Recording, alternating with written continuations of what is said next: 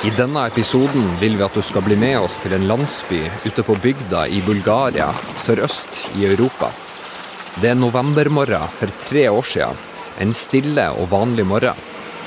Hunder bjeffer, noen haner gale. Men med ett blir stillheten brutt. I pansra jeeper kjører et femtitalls politifolk inn i landsbyen og måker tvers gjennom steingjerdene omkring to boliger.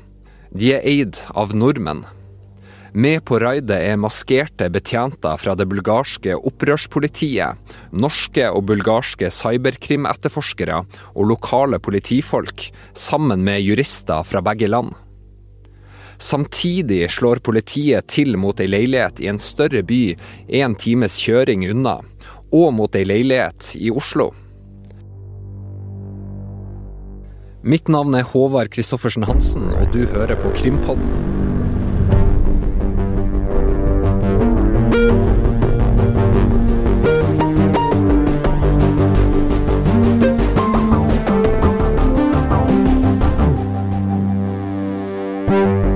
Nå skal du få høre historien om en årelang og krevende etterforskning som leda Oslo-politiet på sporet av et miljø de fram til da kjente lite til.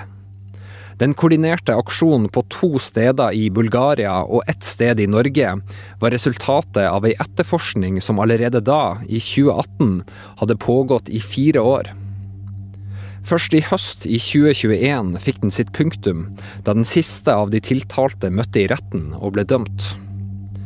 Det er ikke ofte at norsk og bulgarsk politi samarbeider, men det gjorde de altså på morgenen 19.11. i 2018. Den som kan ta æren for det, eller de to som kan det, møter vi i et rekkehus i Lørenskog utafor Oslo, i et boligfelt med skog og åkerlapper og en bensinstasjon like ved. Det er min gode kollega og journalist Håkon Fostervoll Høydal som er på besøk hjemme hos de to, og som forteller denne historien videre.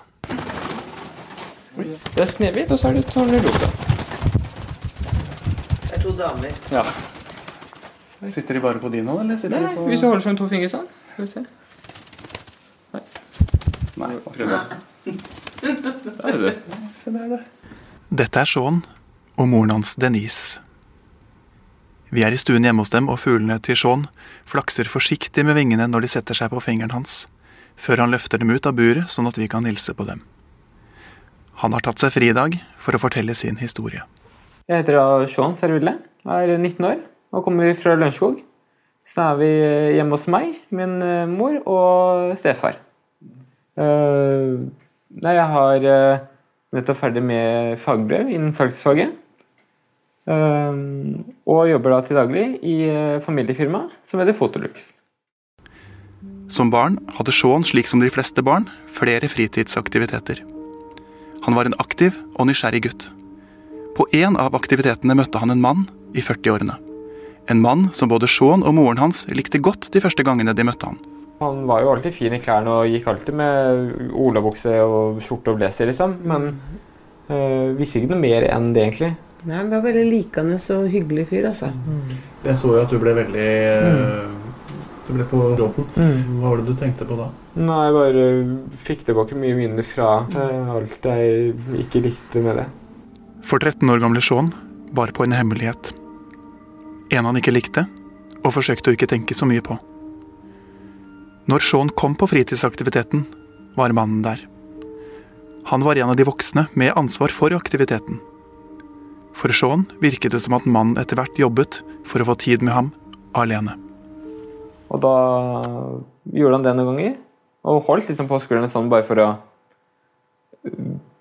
gi tillit, på en måte. Uh, få den tilliten. Og se om Ja, det gikk fint, da prøver vi der noen ganger. Uh, og da tror jeg han egentlig bare beveget seg lenger og lenger ned etter hvert som tiden gikk. Ja. Og så endte det med et fast grep da på uh, rumpen. Nei, altså jeg og mamma har jo snakket om hvis en voksen person gjør eh, noe eh, på deg som du ikke vil, eller som er ulovlig og gått gjennom hele alt sammen. Men jeg var så oppslukt Jeg merka det var et eller annet og syntes det var ubehagelig, men jeg, han brukte liksom at jeg var så fascinert til sin fordel. da. For det her har jo skjedd over lengre periode. Um, så jeg har jo ikke tenkt på at dette Som sagt, jeg syntes det var ubehagelig den første gangen. Hva var det for noe? Og så, uh, så ble jeg på en måte glemt, og så var, gikk dagen som vanlig. Mannen skal senere, i rettssaken mot ham, fortelle at overgrepene skjedde en tre-fire ganger. Sean på sin side forteller i avhør at det skjedde ukentlig, i mer enn ett år. Men uansett hvor ofte det skjer, er dette noe Sean må bære alene. Så en dag blir han kontaktet av en jevnaldrende kamerat som også var med på fritidsaktiviteten. Kameraten ringer Sean og sier at han vil snakke med ham om noe alvorlig. Så da eh, løper jeg fra Sund og inn på soverommet. Så jeg smalt igjen døra, og så snakker jeg like høyt som jeg pleier. eh, og da spør han eh, han fyren Har han gjort dette på deg òg, eller er det bare meg han har gjort det på? Og da merker jeg at uh, han har faktisk gjort for meg òg. Og da merker jeg at da det begynte alvor å gå gjennom kroppen. Utenfor soveromsdøren venter Denise. Hun reagerer da hun ser sønnen løpe inn på rommet og stiller seg utenfor og lytter til samtalen. Jeg er ikke i tvil om at dette er sant. Fordi eh, det var måten de snakket Da kom det rene ord på at han var nær, nær, veldig nærgående. Det var det han, gutten nevnte. At uh, han er så innmari tett på. Alltid så skal holde på og ta på og Hun er aldri i tvil om å si ifra. Hun ringer foreningen som er ansvarlig for arrangementene, og de ringer politiet. Det er juni 2014. Dagen etter at hun har sagt ifra, blir Denise oppringt fra politiet. De tar på alvor hva de hører at Shaun har opplevd, men de gir Denise beskjed om å fortsette å sende sønnen sin til fritidsaktiviteten. Da skal ikke han rekke å slette noe på PC-en eller ja, eh, og sånn. Får vi bare beskjed. Bare vær der. Og det er jo veldig ubehagelig for en 12-13 år gammel gutt å høre det. Bare gå der selv om det er en som har gjort ulovlige ting der. Med deg. Jeg merker at jeg blir veldig tørr rundt munnen og skjelven.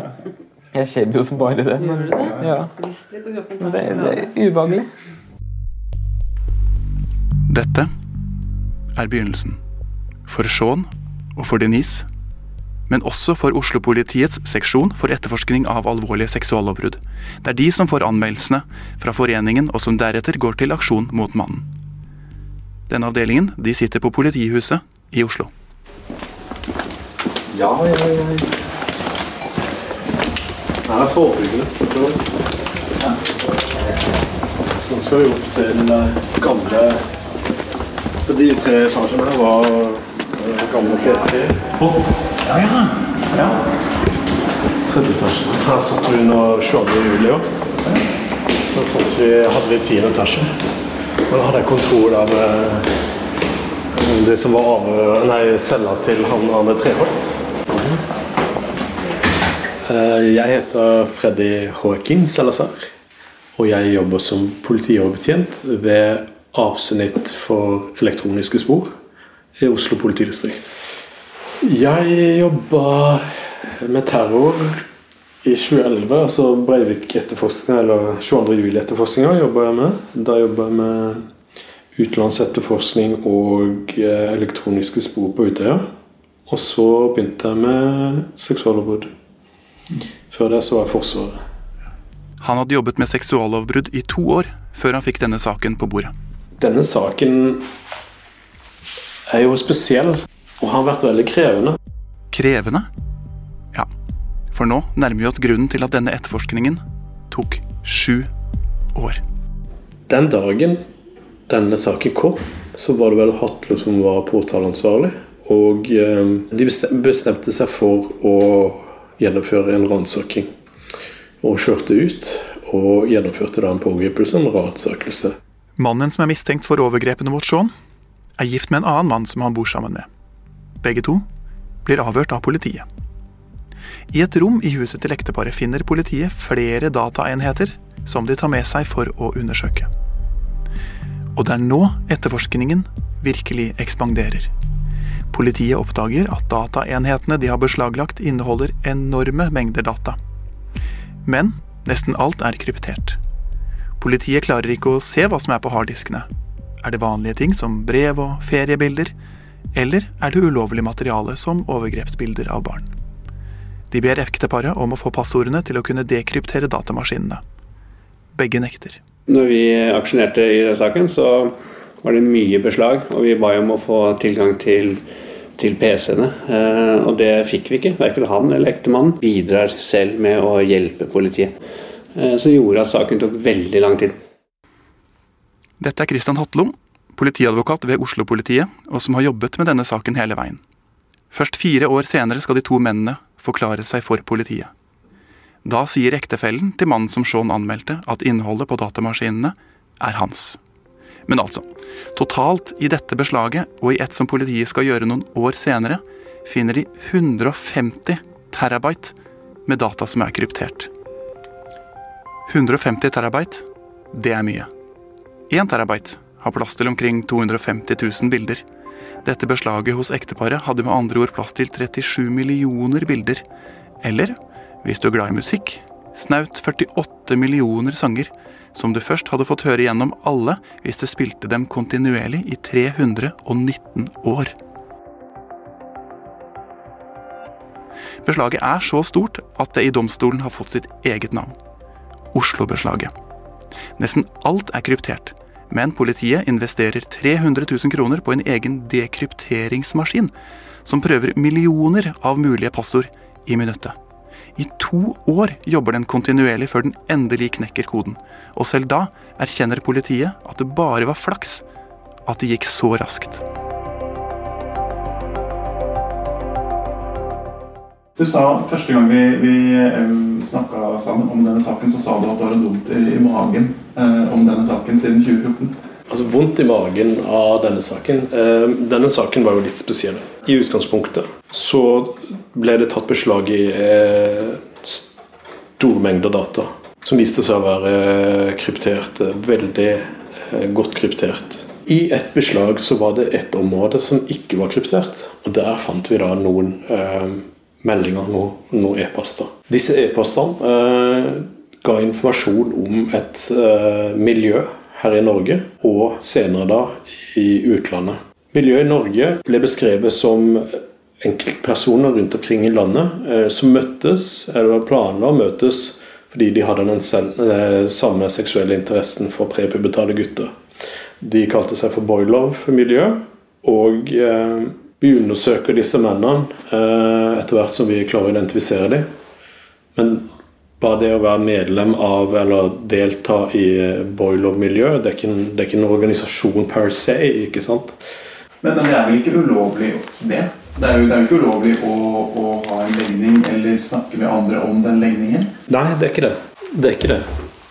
Og vi begynte jo å undersøke da disse, eh, bakgrunnen til disse mennene. Vi kunne jo da se at de hadde vært i korpset, karate, svømming, kung fu, speideren, fotball, teater You name it, så var de der. Friidrett. Eh, de var trenere, de var instruktører, de var støttekontakter. Alltid for unge gutter. Og til nå så har vi ikke identifisert et seksuelt overgrep, men vi har en arena hvor barn er tilgjengelig for personer med denne interessen. Samtidig så var denne korrespondansen seksuelt lada. Så vi hadde alltid noe, noe tvil rundt hendelsesforløpet der. Noen av bildene viste voksne med mange ungdommer og mange gutter spesielt. Alltid gutter. Og så er det vår oppgave å kunne bevise at dette er noe mer. Under gjennomgangen av e-posten og bildene oppdager politiet at mannen som Shaun anmeldte, hadde vært på flere utenlandsreiser sammen med en annen nordmann. Og Så begynte vi å følge denne reiseruta. Da så vi at de traff eh, flere, så vi kunne liksom se hvor de kjørte i USA og så opp i Canada og møtte andre boilovere. Der eh, ble det jo nevnt eh, at de møtte en eh, voksen mann som bodde med en tolv år gammel gutt. Og han drev da en ungdomsorganisasjon i en liten by i Canada. I e-postene finner Salazar bilder tatt av nordmennene. Foruten bilder fra Canada viser to av dem en amerikaner som allerede da var godt kjent av politiet i USA. Denne mannen var blant dem som etablerte forumene for boylove-miljøene på internett på slutten av 1990-tallet. På de to bildene som han Salazar finner, ser han amerikaneren ha en ung gutt på fanget. På det ene bildet kysser han gutten, på det andre bildet smiler de til kamera. Smilet til gutten er stivt. Amerikaneren ble i 2008 dømt til fengsel i seks år for besittelse av overgrepsmateriale. I flere av e-postene og bildene så politiet et symbol. En slags trekantet spiral. Symbolet ble brukt på nettsteder, på bøker, på notater og på smykker. For en som ikke kjenner til tegnet, ser det ut som et eh, hvilket som helst dekorativt element. Men for dem som er kjent i denne skjulte verden på nettet, er det tydelig. Dette symbolet er det hemmelige tegnet for en person som har en seksuell tiltrekning mot gutter, såkalte boylovers, som de kaller seg. Enhver som kler seg med det, og som ser en annen som bruker det, vet at de møter en meningsfelle. Politiet så at mannen som Shaun anmeldte, brukte symbolet på en ring han gikk med. Shaun husker den samme ringen fordi mannen ofte viste den til han. Som vi i etterkant eh, fikk vite at det, den ringen er et del av et svært miljø som het det? Boilovers? Nei. Jo. Mm. Og etterkant så er det kjempekvalmt å tenke på. I Oslo-beslaget finner etterforskerne bilder av en ung gutt som bærer det samme symbolet i et halskjede. De identifiserer ham og finner ut at han er norsk. I det samme beslaget finner de også en e-post skrevet av mannen som Shaun anmeldte, som han sendte til sin ektemann. I denne e-posten forteller han om en venn på Vestlandet som i flere år hadde forgrepet seg på et barn, eller som han skriver i e-posten, vært kjæreste med. Oslo-politiet varsler politidistriktet vestpå, som tar gutten med smykket inn til avhør og innleder etterforskning. I mars i år ble vestlendingen som ble omtalt i e-posten, dømt til ni års fengsel for gjentatte og skadelige overgrep mot denne gutten og enda en annen gutt. Mannen nektet straffskyld, men i dommen vises det til at begge de to guttene har opplevd år med alvorlige overgrep fra vestlendingen. Den ene gutten fra han var 13 år, den andre fra han var 11. Det er denne siste gutten som blir omtalt som vestlendingens såkalte kjæreste i e-posten skrevet av mannen som Shaun anmeldte. Politiadvokat Christian Hatlo i Oslo påpeker at det kan være straffbart å kjenne til at noen opplever overgrep, og unnlate å si fra om det. Det er faktisk straffbart hvis du er kjent med alvorlig kriminalitet. Så plikter du å, å, å si fra om det. Eh, så Iallfall hvis det er så vidt alvorlig som den saken der, da, hvor han endte opp med å bli domfelt til ni års fengsel. Eh, jeg vet den ikke er rettskraftig, men det sier jo litt om alvoret. Eh, så det kan i ytterste konsekvens være straffbart, ja. Men han er ikke Nei, Vi har ikke vurdert tiltale på det grunnlaget i denne saken her. Hvorfor ikke? Nei, For å være ærlig så var ikke det hovedfokus, og i hvert fall ikke så lang tid etter. Også canadiske myndigheter ble kontaktet av Oslo-politiet. Du husker kanskje reisen til USA og Canada som ble tatt av mannen som Shaun anmeldte, hvor han hadde besøkt en mann som drev en ungdomsorganisasjon, og som bodde sammen med en ung gutt. Canadisk politi fikk disse opplysningene fra Oslo-politiet og hentet gutten inn til avhør. Gutten fortalte dem at han husket to nordmenn som hadde besøkt dem, men at han aldri hadde vært utsatt for seksuelle overgrep, verken av dem eller andre. Så nå er vi kommet til tiden hvor dekrypteringsmaskinen som politiet i Oslo har kjøpt, klarer jobben den er satt til. Det er gått to år, og endelig får den dekryptert databeslaget. Det viser seg som sagt å inneholde titalls millioner bilder og videoer av overgrep mot barn.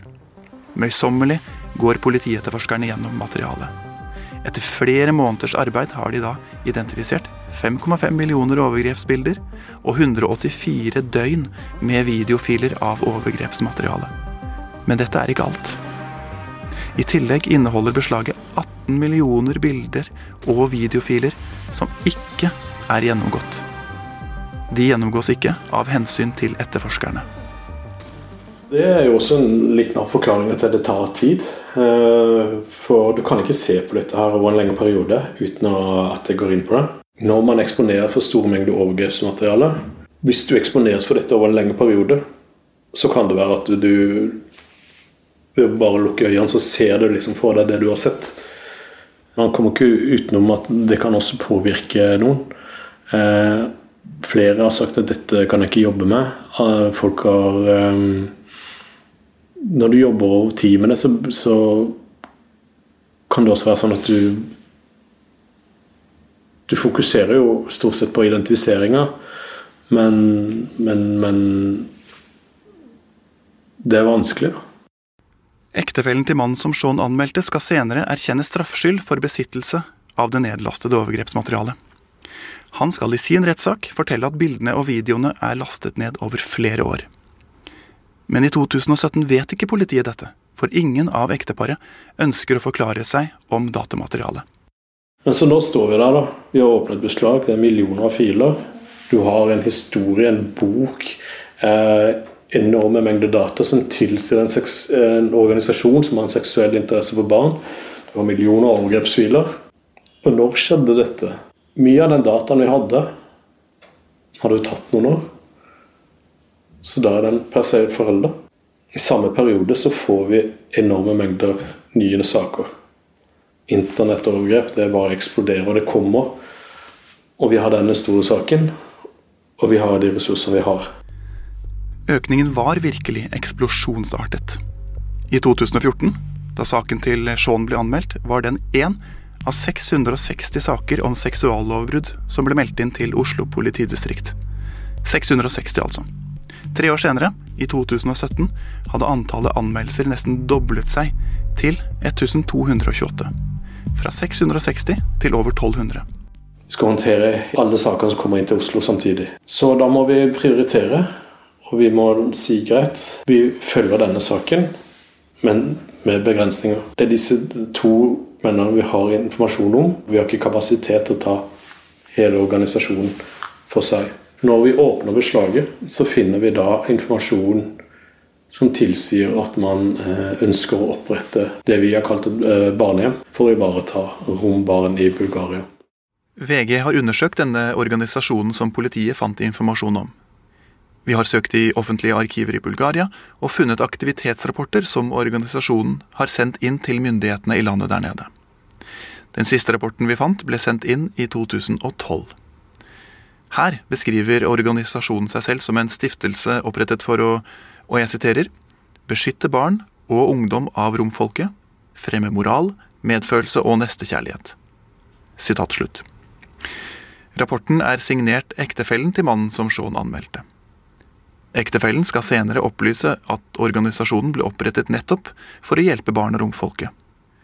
Til VG sier mannen som Shaun anmeldte, via sin forsvarer, at han ikke har noen tilknytning til denne organisasjonen. For drøyt to år siden reiste vi i VG ned til Bulgaria for å gå opp sporene etter denne etterforskningen. Da møtte vi han som hjalp nordmannen med å etablere organisasjonen. Det var en nervøs og lavmælt kar som ville møte oss på en anonym kafé på en bensinstasjon i utkanten av hovedstaden Sofia. Sammen med oss hadde vi journalisten Stanimir Vaglenov. Det er han du hører oversette for oss og snakke engelsk i opptaket. Stanimir var med oss da vi møtte bulgareren. Mannen som vi møter denne dagen for to år siden, har millimeterkort, gråsprengt hår og et flakkende blikk. For i dag jobber han for myndighetene og liker dårlig hvis det kommer ut at det var han som etablerte organisasjonen på vegne av den ene mannen i det norske ekteparet. Uh,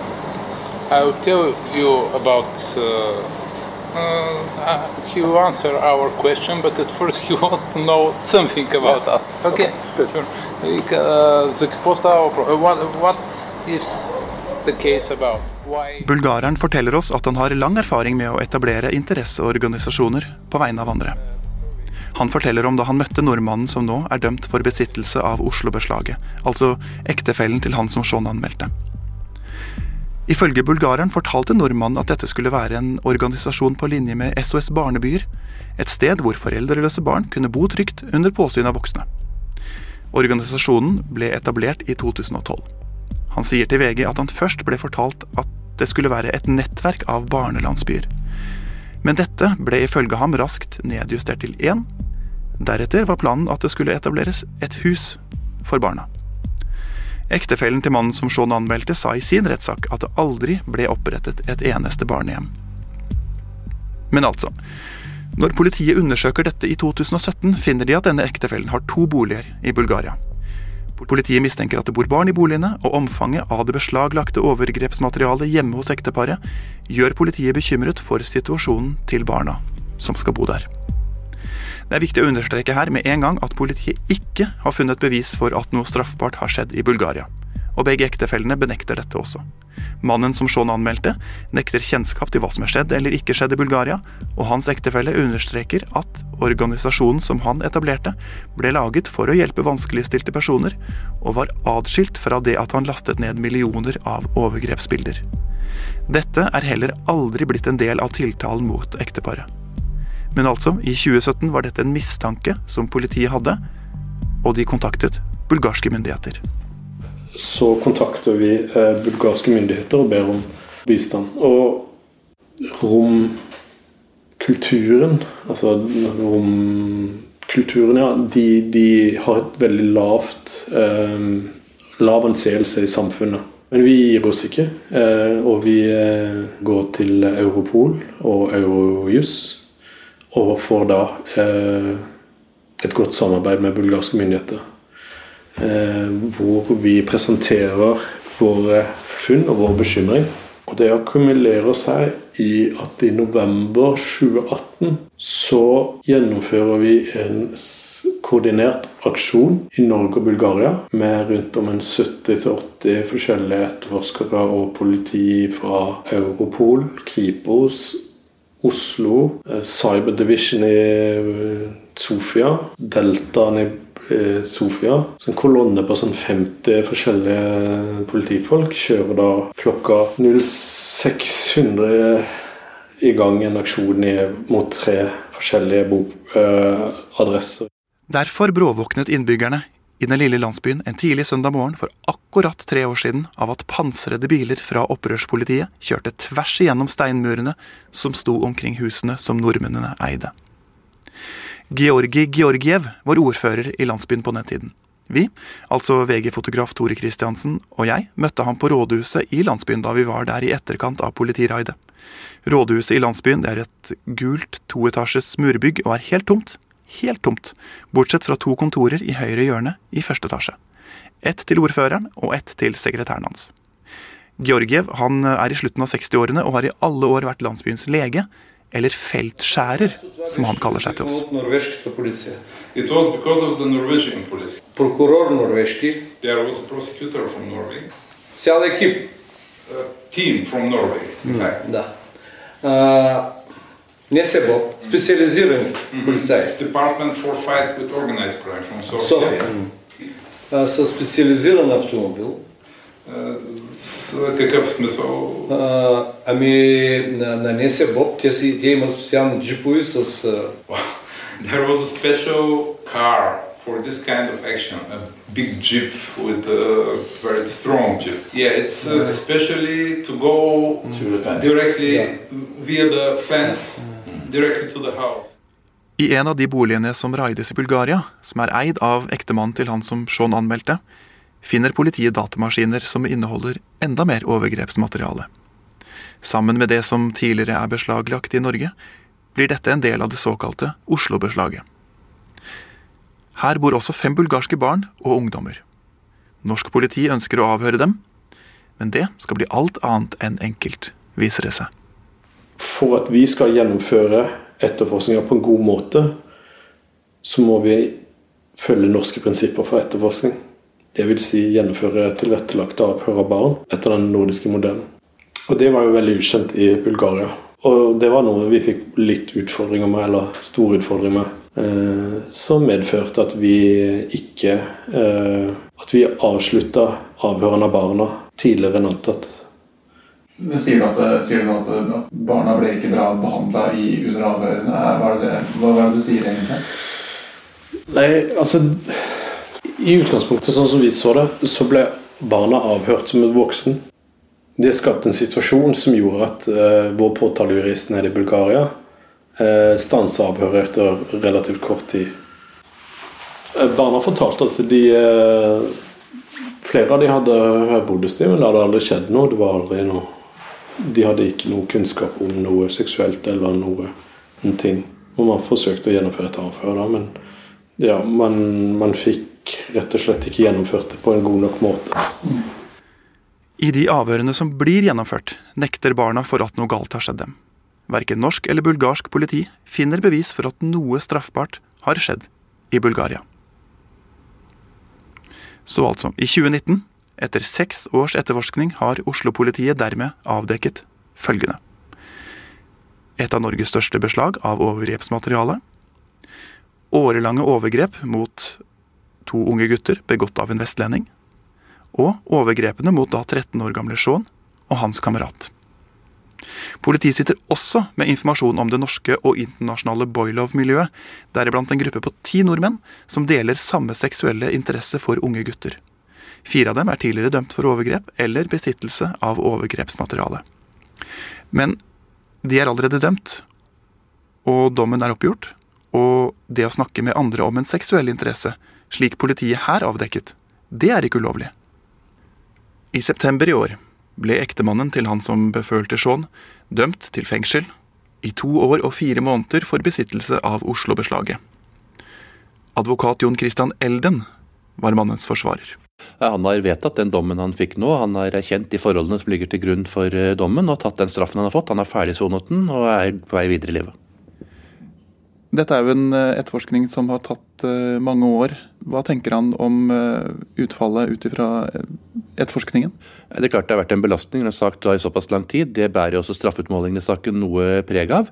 Det ble en redusert straff som følge av eh, tidsforløpet, men det gjør for at han kan anse seg ferdig med hele saken og komme seg videre i livet. Den etterforskningen den, den rettet seg jo mot et miljø som, som politiet kaller Boilov-miljøet. Hva sier din klient om det? Det er veldig mye dokumenter som omfatter det i politiets saksdokumenter, men det er veldig lite av det som knytter seg til min klient. Eh, og Det ble jo heller ikke et tema i retten til slutt, selv om politiet etterforsket med det utgangspunktet. Man har ikke lagt til grunn at han tilhører noe bestemt miljø, eller at han selv har begått noen som helst form for eh, overgrep. Hva med saken til Shaun? Den som startet hele etterforskningen? Den siste tirsdagen i september var det endelig tid for den. Mannen som tok på Shaun, sitter tiltalt for å ha forgrepet seg mot Shaun og kameraten hans, han som ringte Shaun den dagen i 2014. I øverste etasje i Oslo tinghus sitter mannen som tok på Shaun, ved siden av sin forsvarer, Thomas Klevenberg. Mannen er blitt i begynnelsen av 50-åra. Han har på seg en stripete dressskjorte, og det gråblonde håret er gredd i sideskill. Han stirrer ned i bordet i begynnelsen, men etter hvert som dagen skrider frem, løfter han ansiktet. Shaun er ikke rettssalen selv. Han har fått diagnostisert PTSD, posttraumatisk stressyndrom, og ønsker ikke å møte mannen som forgrep seg på han.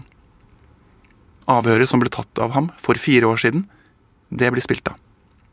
På videoen av avhøret fikler da 14 år gamle Shaun med en Rubiks kube mens han snakker. Han viser hvordan tiltalte først holdt han om skulderen, og deretter lot hånden gli ned inntil han holdt om baken hans. Når Shaun blir spurt om hvor ofte dette skjedde, sier han det varte og varte og varte.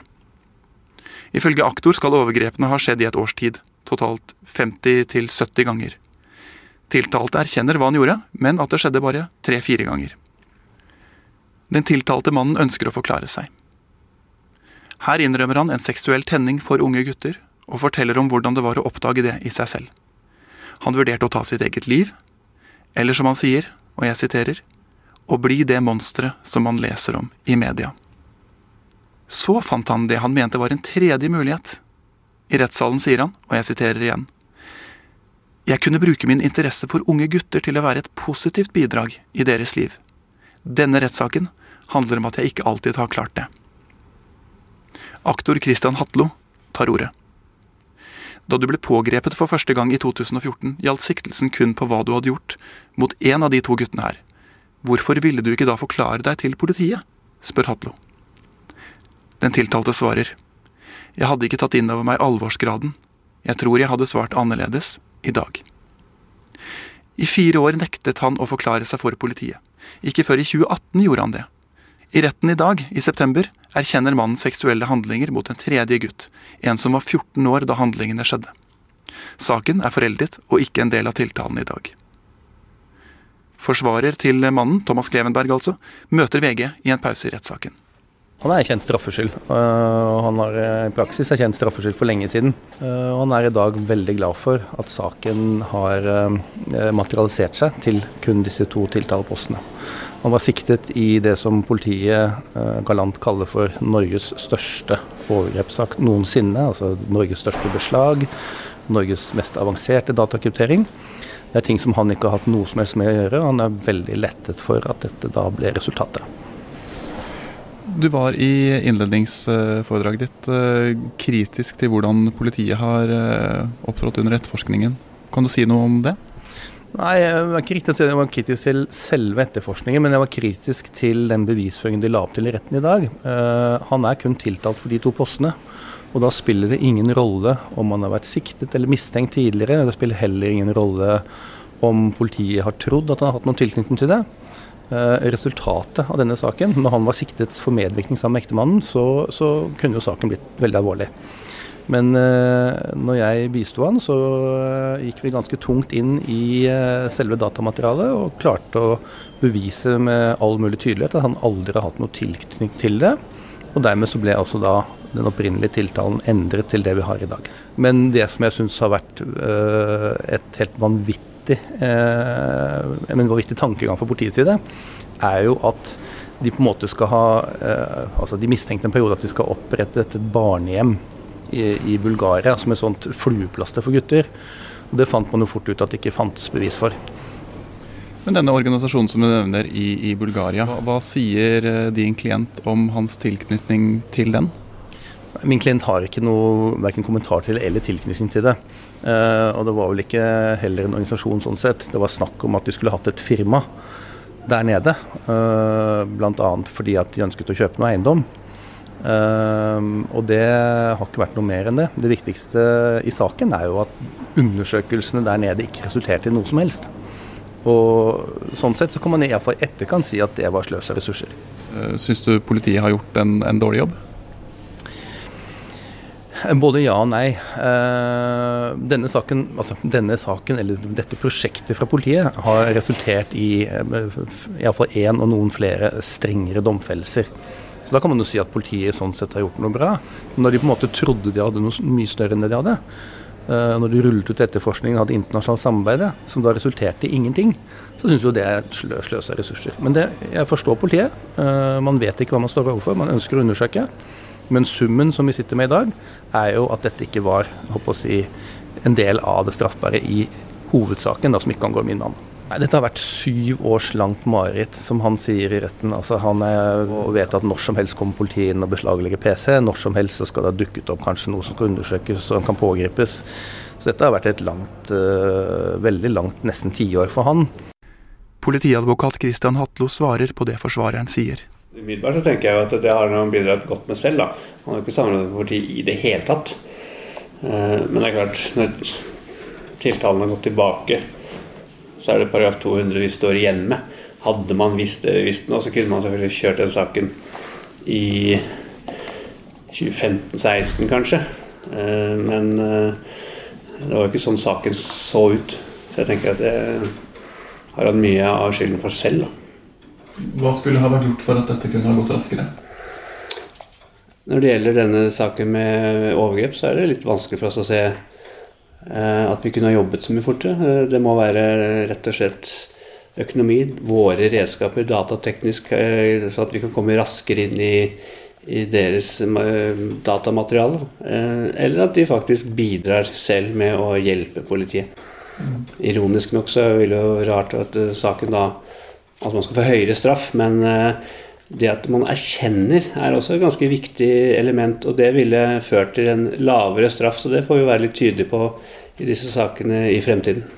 Politioverbetjent Freddy Salazar har lært mye av denne saken, sier han. Ikke bare har han lært om de skjulte miljøene i Norge, i utlandet og på nettet hvor mennesker møtes for å diskutere overgrep mot gutter. Denne lange etterforskningen har også lært ham noe nytt om hvem det er som opplever overgrep. Forskningen og statistikken tilsier at jenter i mye større grad utsettes for sexologer. Jeg tenker gutter er likeså. At gutter på lik linje med jenter utsettes for overgrep. Det er så store mengder med overgrep av gutter på nettet som gir meg grunn til å tro at det er en balanse mellom gutter og jenter på, på offersida. Altså, men vent, nå, nå, sier du at, eh, at, det som vi har trodd om, om hvem som opplever overgrep, er helt feil? Min, min, opplevelse og min erfaring fra de siste årene med å jobbe med overgrep mot barn, er det. Gutter er like stor grad utsatt for overgrep som jenter. Så her har vi rett og slett bare oversett ganske mange? Jeg tror det. Jeg tror det er store mørketall når det gjelder gutter.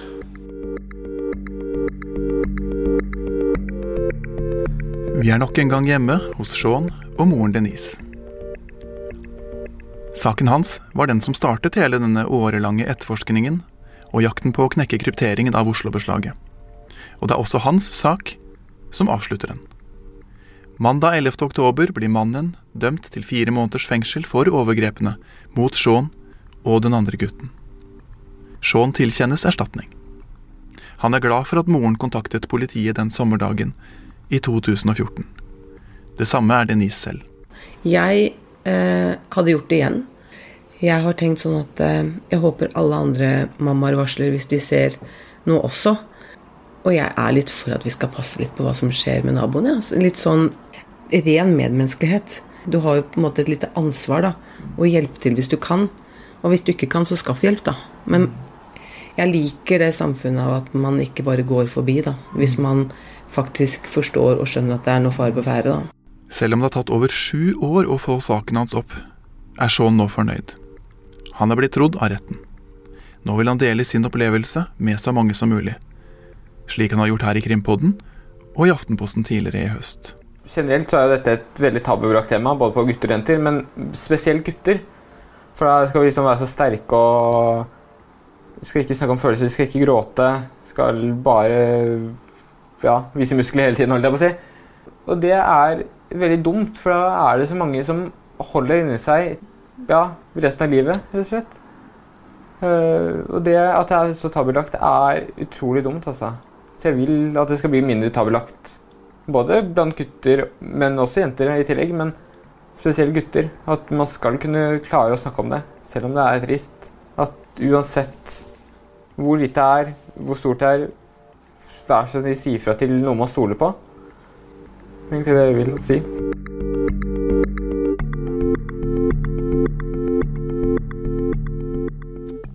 Sitter du med tanker og følelser som du trenger å dele med noen etter denne episoden, kan du ringe til Alarmtelefonen for barn og unge på telefon 116 111. Eller så kan du ringe til Røde Kors-telefonen Kors på halsen på 800 333 21. Denne episoden av Krimpodden er laga av journalist Håkon Fostervoll Høydal. Journalistene Hanna Haug Røseth, Morten Hopperstad og Ådne Husby Sandnes har tidligere rapportert om denne saken for VG.